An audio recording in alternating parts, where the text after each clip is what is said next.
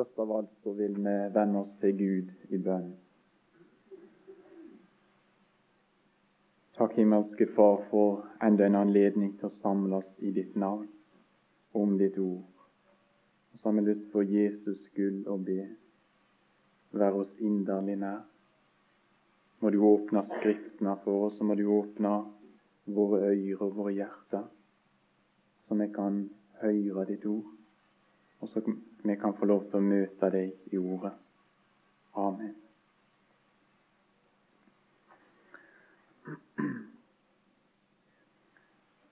Det som jeg begynte litt med i går, det var stansa litt for denne personen som heter Noah, og prøve å se han som et forbilde på Kristus. Og så kom jeg i grunnen ikke så veldig langt i går, og derfor har jeg lyst til å prøve å fortsette litt med det nå i ettermiddag.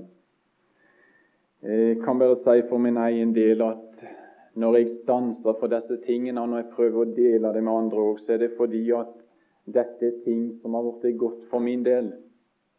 Jeg kan ikke si at jeg har noe særlig lys over disse tingene, men det har blitt til velsigning for meg. Og så har jeg lyst til å prøve å være med og dele det også med andre da. For sammenhengen sin del så nevner jeg ganske kort og innledningsvis at vi stanset, så vidt jeg husker, var det seks ting jeg nevnte i går, eh, der vi ser Noah som et forbilde på Kristus. Jeg nevnte hans navn, som betydde hvile eller ro. Jeg nevnte hans særstilling i Guds øyne. Jeg nevnte dette at han hadde et helt spesielt oppdrag som ingen andre hadde fått, og som ingen andre har fått seinere heller. Jeg nevnte dette at hans verk, eller hans ark om du vil, det er et arbeid og et verk som ble tilskrevet Noah alene. Og Det finner du overalt i Skriften, at det er Noahs ark det er snakk om. Det er ikke Noah pluss noen, men det er Noah og Noah alene. Og Jeg nevnte også litt om det at når det står om selve byggearbeidet, så var det en forunderlig taushet. Det er liksom noe som ikke er med der. Hvordan dette foregikk, altså. Men plutselig står arken der og så ferdig. Og så er det bare til å gå inn. Og Her er det paralleller hele veien. Og Det siste og sjette jeg nevnte i går, så vidt jeg husker, det er altså resultatet av Noas verk eller arbeid.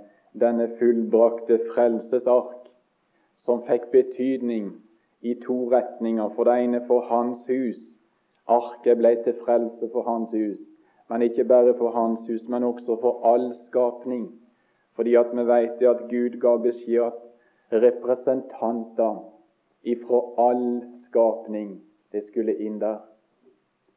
Og Så prøvde vi å peke hele veien på Kristus og finne paralleller. Og Nå har jeg lyst bare og stanser for noen enkle ting videre også i dag. Der Noah for min del står, og så er han en svak skugge, egentlig, på Han som heter Jesus Kristus. Og Det er forunderlig å lese i Bibelen, for da vil du merke at det er Han som er hovedtema hele veien. Det er Han som Gud taler om. Det er Han Gud peker på overalt. Og det som er Guds arbeid, tror jeg nevnte det i går, det er å være med og løfte løfte vårt blikk, altså, og se Hans sønn og møte Han. Og det som vi trenger aller mest for vårt kristenliv også i denne verden, det er altså å se Han, gi akt på Han, tenk på Han, se på Han. Du skal merke deg de formaningene, og det er Gud som vil altså at vi skal bli opptatt med Han. Det som jeg nevner da som en sjuende ting her når det gjelder forbildet på Kristus, det at Noah han var den store forsørgeren for en hel del skapninger. Og Nå skal vi lese i kapittel 6 og vers 21. Og Der sier Gud til Noah at du skal ta til deg av all slags mat som etes og samle det i hus, samle det hos deg, så det kan være til føde for deg og for dem. Og Da ser vi i grunnen at Noah fikk ikke bare ett oppdrag, at han skulle bygge ei veldig ark. Men her er et annet oppdrag som er nevnt. Og det er jo ganske enkelt det at du, Noah, du skal samle sammen noe mat både for mennesker og for fugler og for dyr. Og så skal du samle dette inn i arken, og så skal det være plassert der. Og da skjønner vi det altså at denne Noah han hadde to oppdrag. Og vi skjønner i grunnen at dette andre oppdraget det var veldig viktig. da. For hva var det hjelp egentlig om de var kommet inn i arken dersom der ingen mat var i denne arken, og dersom det ingen betingelser var for liv der? Vi vet jo det ut ifra det som står fortalt, at denne, dette oppholdet i Noas ark det ble ca. et år. Det var lang tid. Ja, det var det.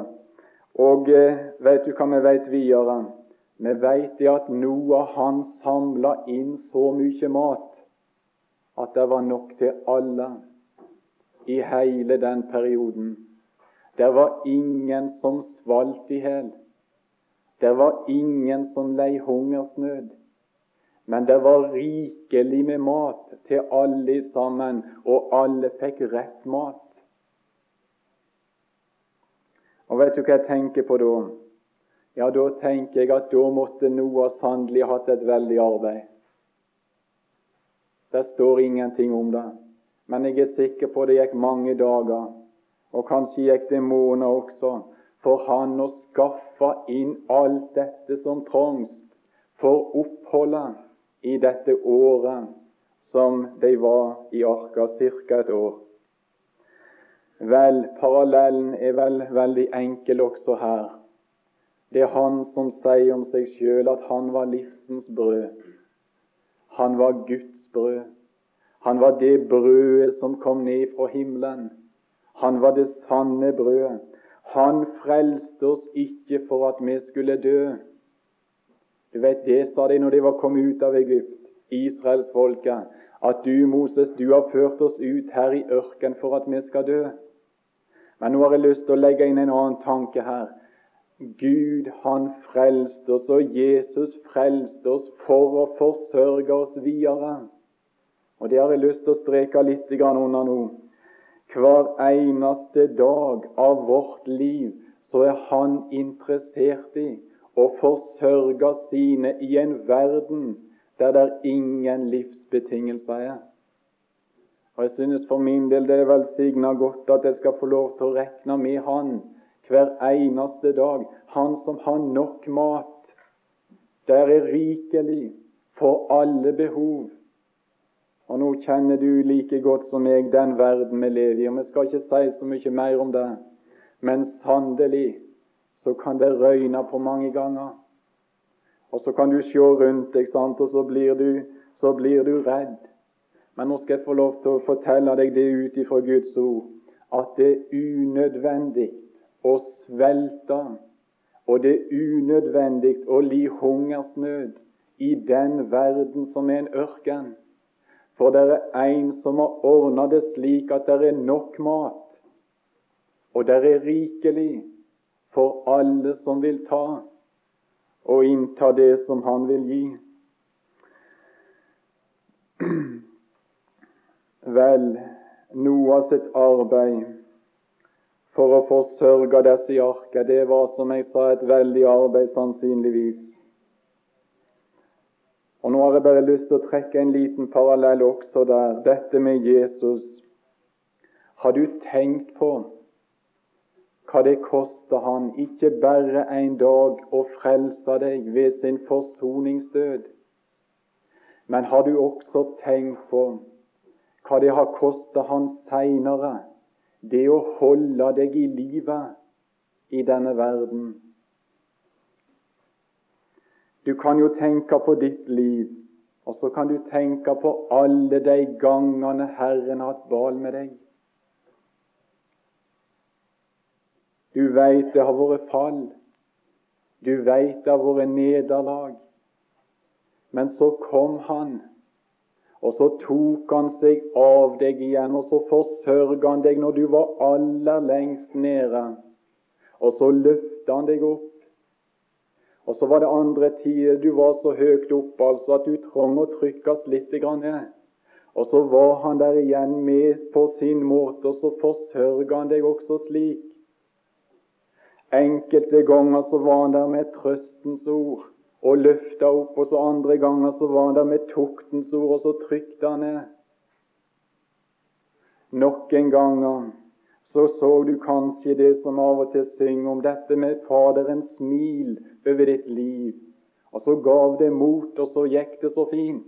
Og så andre ganger så var han der med kniven. Men alltid var han der for å forsørge deg og for å hjelpe deg egentlig, og aldri slo han handa av deg. Det er noe med en som en av de sangerne har, har fortalt oss litt om, som har skrevet en sang i sangboken som jeg er glad i.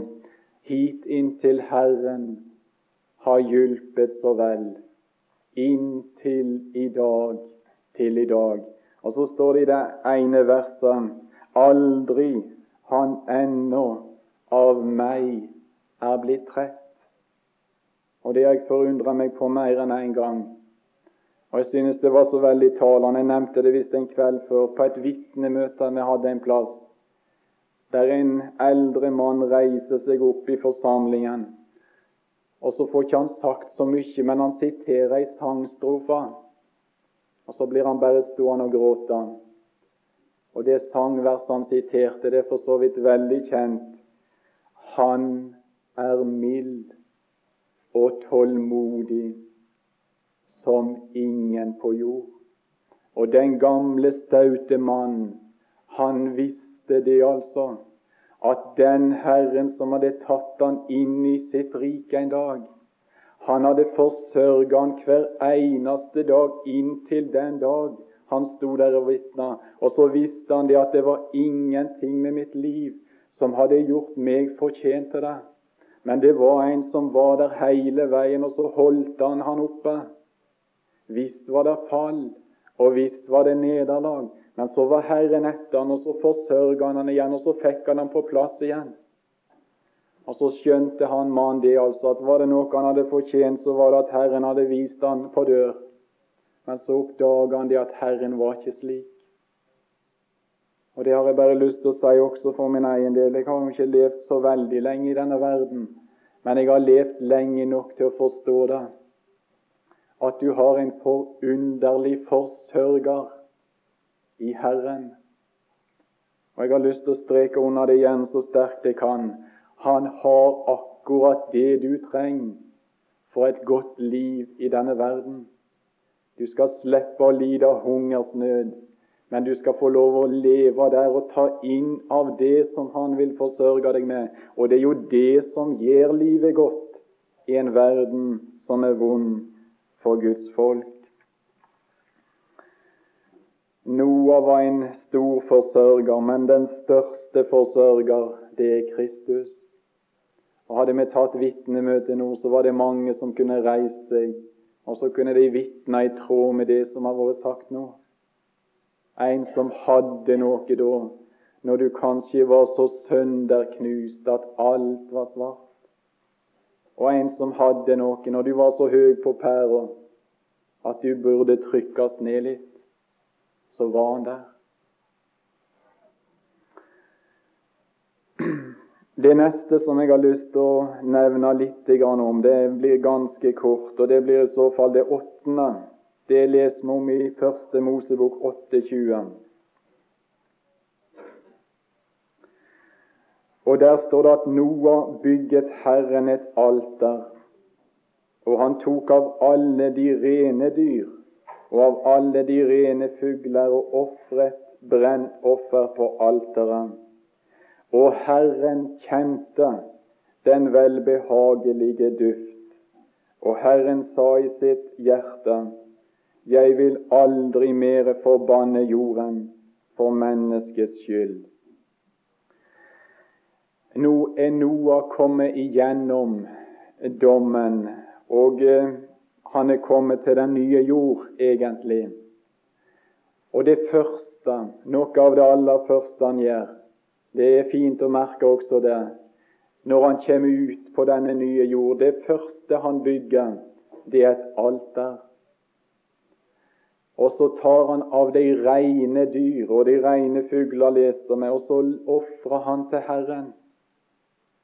Og det er vel ganske enkelt å forstå også at det måtte være en trang hjå Noah når han ser hele verden, altså. Det er tatt av dommen.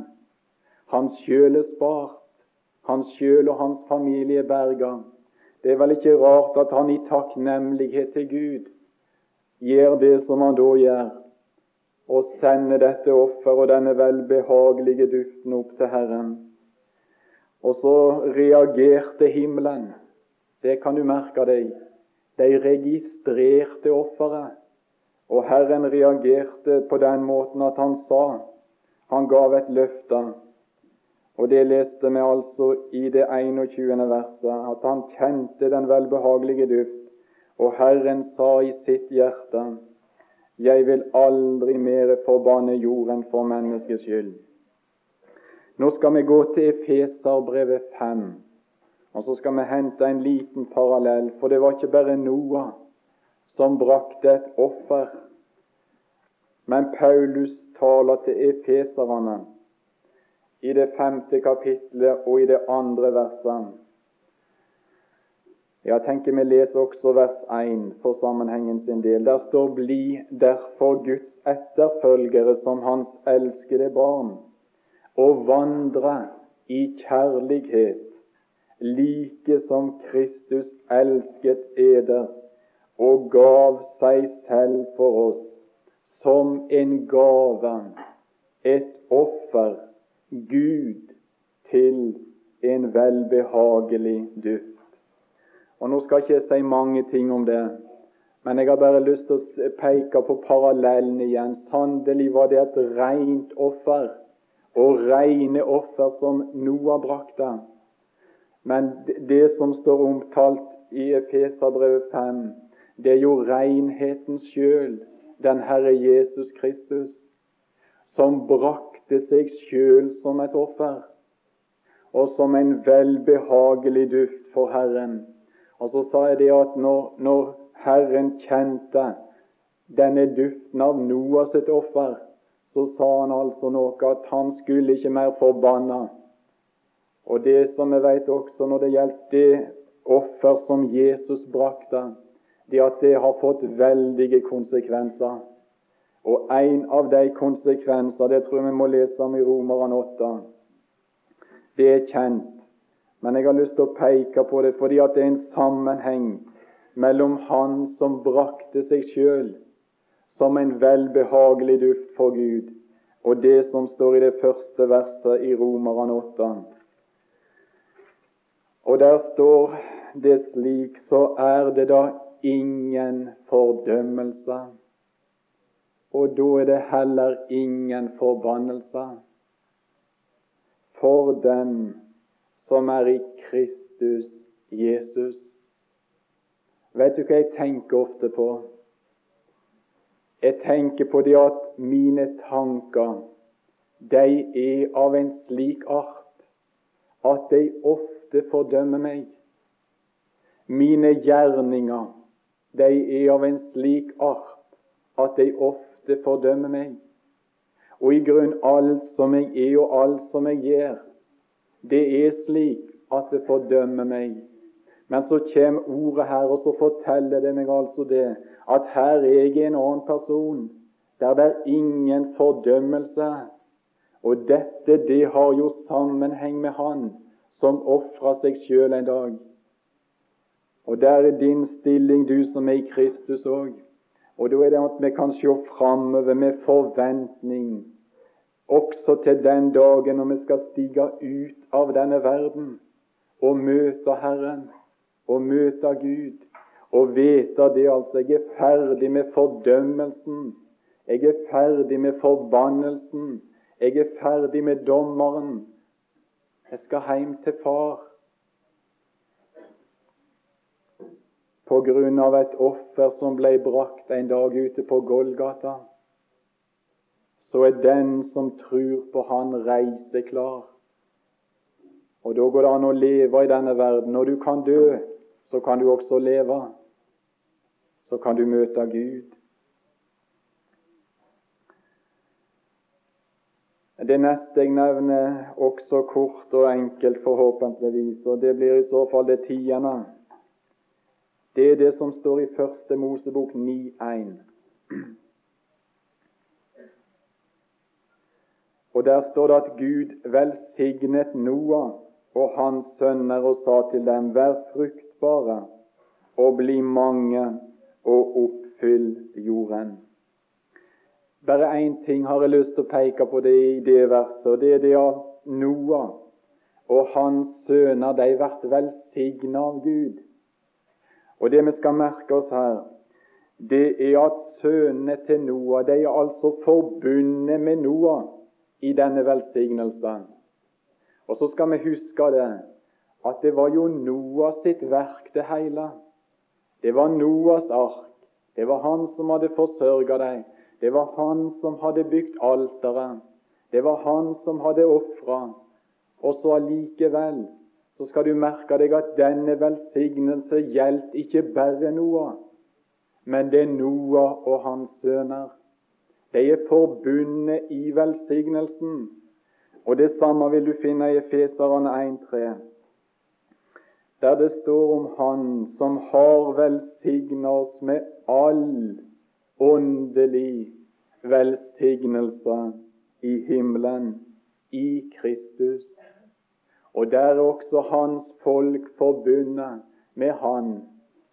Ikke bare Kristus, men Kristus og hans folk. Lemmene og legemet, hodet, forbundet i velsignelse. Det ellevte som jeg nevner som forbilde her, det skal vi også hente fra Første Mosebok 9. Og Der skal vi da lese det andre og det tredje verset. Og Der vil vi se at Noah han blir egentlig på en måte innsett som både hersker og arving. Der står i det andre verset at frykt og redsel for eder skal være over alle dyr på jorden, over alle fugler under himmelen, over alt det som rører seg på jorden, over alle fiskene i havet. I eders hånd er det gitt. Alt det som rører seg og lever, skal I ha til føde. Like som jeg ga eder de grønne urter, gir jeg eder alt dette. Vi ser egentlig det at Noah her, sammen med sine, de blir satt til herskere over all skapning. Og det er egentlig en forunderlig situasjon, det. For vi vet det at før floden så var Noah og hans i en annen situasjon. Eh, vi ser det som en minoritet, og vi ser det som en liten gruppe, og tilsynelatende de svake og tilsynelatende så er det jo de andre som dominerer og hersker. Det er synd og ugudelighet som preger den verden før floden. Men her etter floden så vil vi se det at rollen er bytta om. Og så vil vi se det at Noah og hans de kommer på topp. Og det er noe også her som har lyst til å peke ganske enkelt og kort på. Vi lever i, en, i dag i en verden der Guds folk er den vesle flokken. Og jeg tror vi opplever det omtrent slik som gittitten i Tai gjorde det. Du har sikkert lest om han i andre Samuels bok, som kom til kong David i en periode da David var forkasta, da David var flyktning, og da han bare hadde en liten flokk rundt seg. Men så er det velsigna fint å lese om den klarsynte gittitten i Tai. For det som var hans ønske, uansett om hele gjengen var imot David, det var at han ville være der som David var. Han ville være i hans nærhet. Og for Itai så var David konge også når han var flyktning. Selv om han ikke var i Jerusalem, og selv om han ingen kongelig herlighet hadde, og ingen krune hadde, og ingen skare av tilbedere hadde, så var David konge for Itai uansett. Og Nå skal vi bare si det at det som vi erfarer i verden i dag, det er at Kristus på alle områder er forkasta av denne verden. Det er for så vidt smertelig å erfare, men samtidig så veit vi det at det skal ikke alltid være slik. Vi veit nemlig det at det kommer ei tid, og det kom ei tid for gittitten i Tai, da strømmen snudde, og det de henta tilbake kong David. Og da viste det seg det at denne Itai som hadde fulgt han i hans forkastelse, han ble også med han når han kom tilbake igjen til truna. Og når David ble hersker, så var Itai en av de som ble med David og herska sammen med han. Og Disse tingene har jeg ikke lyst til å si mye om, for jeg har ikke så veldig lys over det. Men jeg veit i hvert fall det ut ifra Guds ord, at det skal snu også i denne verden. Og så skal Han komme på trynet en dag, Han som er den rette konge. Og Han som denne verden i dag har forkasta, han skal herske i denne verden, og han skal styre i denne verden. Og det skal bli andre forhold i denne verden enn det i dag. Det kan du være sikker på. Da skal det bli rett og rettferdighet og sannhet og hellighet og alt det her. Og da skal det bli andre forhold. Men det som jeg òg har lyst til å si her, det er jo det at det står en del løfte i Guds ord om de som har fulgt Han i Hans forkastelse. De som er med Han i vannet, og de skal også være med Han når Han skal regjere i denne verden. Og det er en del løfter, og det er en del skriftord som taler veldig tydelig og klart om det. Det står f.eks. i 2. Timoteus 2, eller er det én, kanskje, dette med at helt vi ut, så skal vi også herske med Han. Og der står om noen i Johannes' åpenbaring som skal styre i sammen med Han. Og Nå har jeg lyst til å si til deg, du som kanskje ser svart på situasjonen, den kommer til å snu. Og du som erfarer kanskje det at det er smertelig å, å leve i den forkastelsen som vi erfarer i denne verden. Det er bare en kort periode der, og så skal det snu. Noah ble sett til hersker, og Noah ble også sett til arving. Og Her skal vi også bare lese ett enkelt vers i Hebreabrevet 1. Hebreabrevet 1.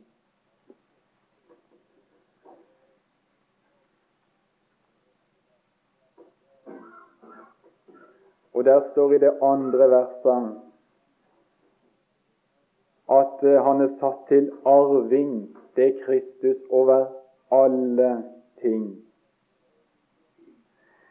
Når Noah og hans eh, folk gikk ut på den nye jord, så sa Gud til dem at nå gir jeg dere alle ting. Så på en måte så ble han også arving til all skapning. Men her står det om Kristus at han er sett til arving over alle ting. Jeg skal ikke si mye om det heller. Men det bildet som menneskene fikk av han når han gikk i denne verden, det var ofte et bilde som var forbundet med fattigdom. Vi kan tenke på hans fødsel. Vi kan tenke på hans foreldre. Fattige. Vi kan tenke på de omgivelser som han levde i. Den tilværelsen han erfarte når han pekte altså på fuglene eller på revene som hadde hula, fuglene som hadde reir, og mennesket sånn hadde ikke det han kunne helle sitt hode til.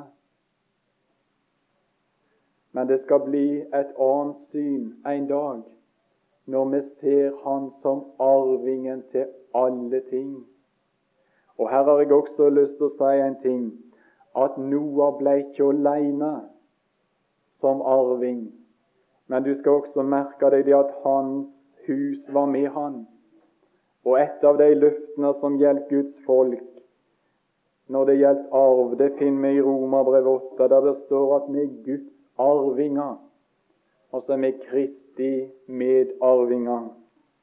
Og i Johannes' åpenbaring 21,7 der står det om den som seirer.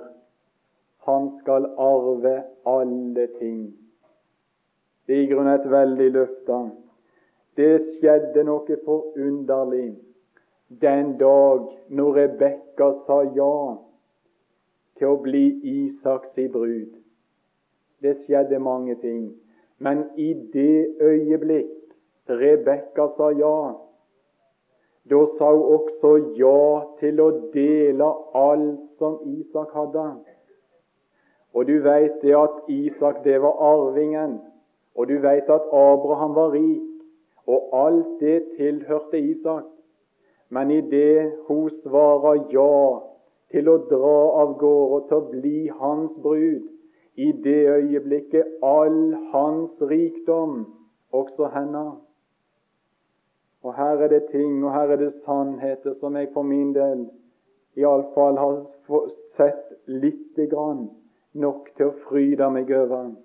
Det er ikke fattige, de. Det er jo av og til det blir sagt om, om kristenfolket, stakkars folk. Det er lutfattige mennesker, det. De har jo ingenting å glede seg over. Og så rister de på hodet, og så er det et forferdelig liv altså de må leve.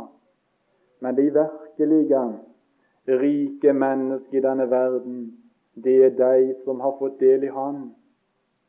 Og det er de som arver Hans rikdom. Det siste vi skal ta fram, og det blir vel da det tolvte, tror jeg,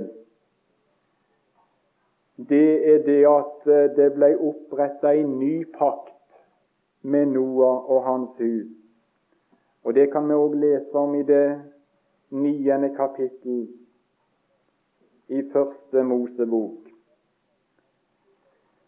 Den pakt er det sagt noen ting om, så jeg bare har lyst til å understreke ganske kort. Også her er det forbilder, slik som jeg ser det i hvert fall. Ifra vers 8 så kan du lese om den nye pakt som Gud gjorde med Noah etter at de var kommet ut av arken igjen. La meg bare nevne tre ting. For det første var hun ny. Vi vet at Gud hadde opprettet en pakt med Noah før. Det står i kapittel 6. Og det gjaldt dette med arken og dette med å gå inn i arken. Her er det en ny pakt der Gud gir et løfte. Og det er det at den jord som nå hadde blitt tatt av dommen, den skulle aldri mer erfare det som den hadde erfart. Det skulle aldri mer komme en vannflaum som la hele jorda øde slik som de hadde opplevd. I det 16. verset i Første Mosebok 9 der står det at denne pakt var evig. Og det tredje som jeg bare har lyst til å nevne om denne pakt, det var at Noah fikk et merke. Og det var dette med regnbuen som Gud satte i skyen. Og så ville han se på den regnbuen, og så ville han komme i hug si pakt med Noah og med hans etterkommere. Også her er jo egentlig parallellene for så vidt greie. Og vi ser forbildet også her når det gjelder Kristus og den pakt som Gud gjør med mennesket og har gjort med Han. Der står jo f.eks. i Matteus 26 og vers 28 Dette er den nye pakts blod. Og jeg er veldig takknemlig akkurat for det uttrykket. Den nye pakts blod. Den er ikke grunnet på det som jeg kan prestere. Der er jeg satt helt ut av betraktning. Og det velsigner godt det å vite det at her ser Gud bort ifra meg. Den pakt er ikke grunna på det som jeg kan, eller det som jeg er, eller det som jeg ikke kan, men den pakt er grunna på blod, på Jesu blod. Og det sier meg jo den ting at dette, det er ei sikker pakt. Og dette, det er ei solid pakt. Den nye pakts blod. Det har vi lyst til å streke under. Og den pakt som jeg nevnte med Noah, det andre det var det at den var evig. Og i Hebreerne 13 og det 20. verset der står egentlig det samme ord om den pakt.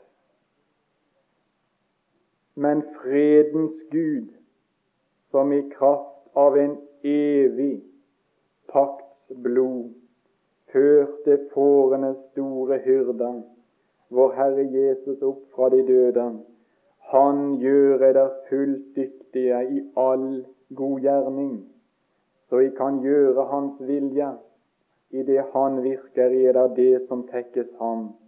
Ved Jesus Kristus Ham være æren i all evighet. Amen. La meg bare streke under det uttrykket en evig pakts blod.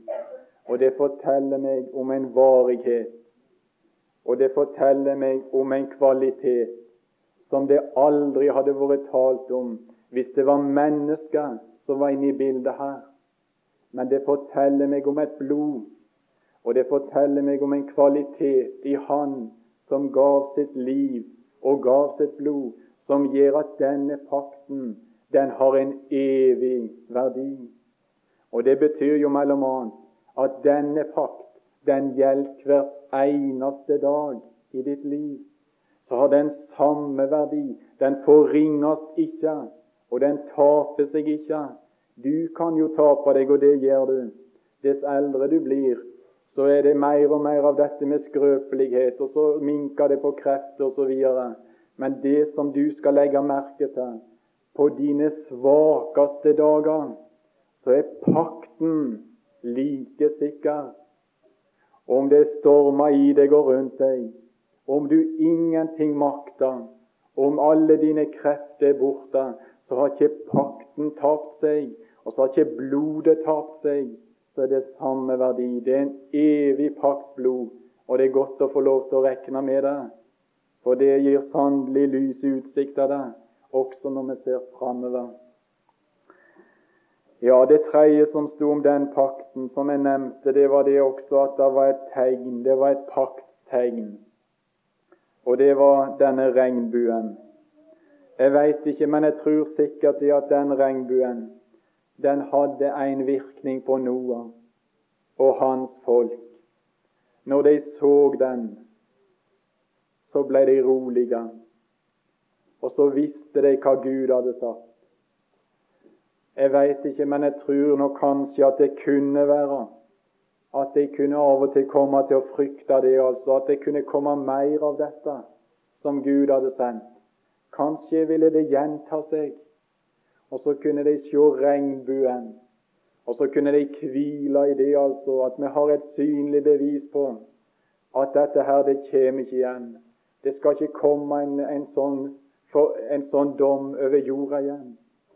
Gud skal ikke dømme igjen og sende slikt igjen. Og så var den regnbuen med, tror jeg, og dreiv frykten bort. Vel, har med noe slikt tegn, og har med noe slikt merke? Jeg kan ikke si jeg, jeg, jeg, jeg ser så mye av det, men jeg vet i hvert fall én ting. Det er noe som mine øyne kan hvile i. Og det er noe som Gud sine øyne kan hvile i. Og så blir jeg rolig. Og da tenker jeg så enkelt, så enkelt. Jeg tenker igjen på den person som hang mellom himmel og jord ute på forbannelsens tre en dag. Nå er ikke det noe slikt at vi ser Han med våre lekamlige øyne, det kjenner vi jo alle til. Men vi ser Han i Guds ord. Og så veit vi det også, at Gud sine øyne hviler på Han. Og vet du hva jeg erfarer når jeg ser Han slik i Skriften? Det er med for min del i hvert fall, og så driver det frykten bort. Og så blir jeg rolig, og så veit jeg det at dette med dom igjen i mitt liv, det er borte. Det er ferdig, det. Der står jo det at straffen Og da regner jeg med det var alltid samme. Det rammer han. Gud har slått. Og det ser du når du leser i Skriften, at Gud han har slått. Han har slått sin sønn. Og det er ingenting som er bedre for min del enn til å la øynene hvile på Han som henger ute på Golgata. Og så blir du rolig, altså. Og så kan du begynne å takke Gud. Takk fordi jeg er ferdig med dommen og straffen og fortapelsen og døden, den evige. Og så blir du rolig i det at det kommer ikke flere slag den veien. himmelske Far. Jeg har lyst til å takke deg for evangeliet. Takk for det som jeg har fått lest, og takk for det som jeg har fått hørt. Takk fordi at du sendte din sønn en dag. Og takk for den hensikt han kom i. Takk, Jesus, fordi at det var en som var villig å dø i mitt sted for at jeg skulle leve ved ham. Og så er det ingenting som har vært bedre å lese i denne verden, at når du hang der på korset, så gjorde du opp, og så betalte du alt. Så sona du all vår synd. Alt som var meg imot, ble utslettet med blod. Det ble naglet til korset med ham. Takk for alle påkere som du har åpenbæra sannheten for. Takk for alle du har kalt inn i ditt rike. Takk også for det som jeg fikk lov å dele av nå. Så får du hjelpe oss å ta vare på sannheten. Så får du stryke ut det som måtte være sagt som ikke var i tråd med ditt ord. Og så må du ta vare på ord og hjelpe oss, Herre, og formidle ditt ord slik som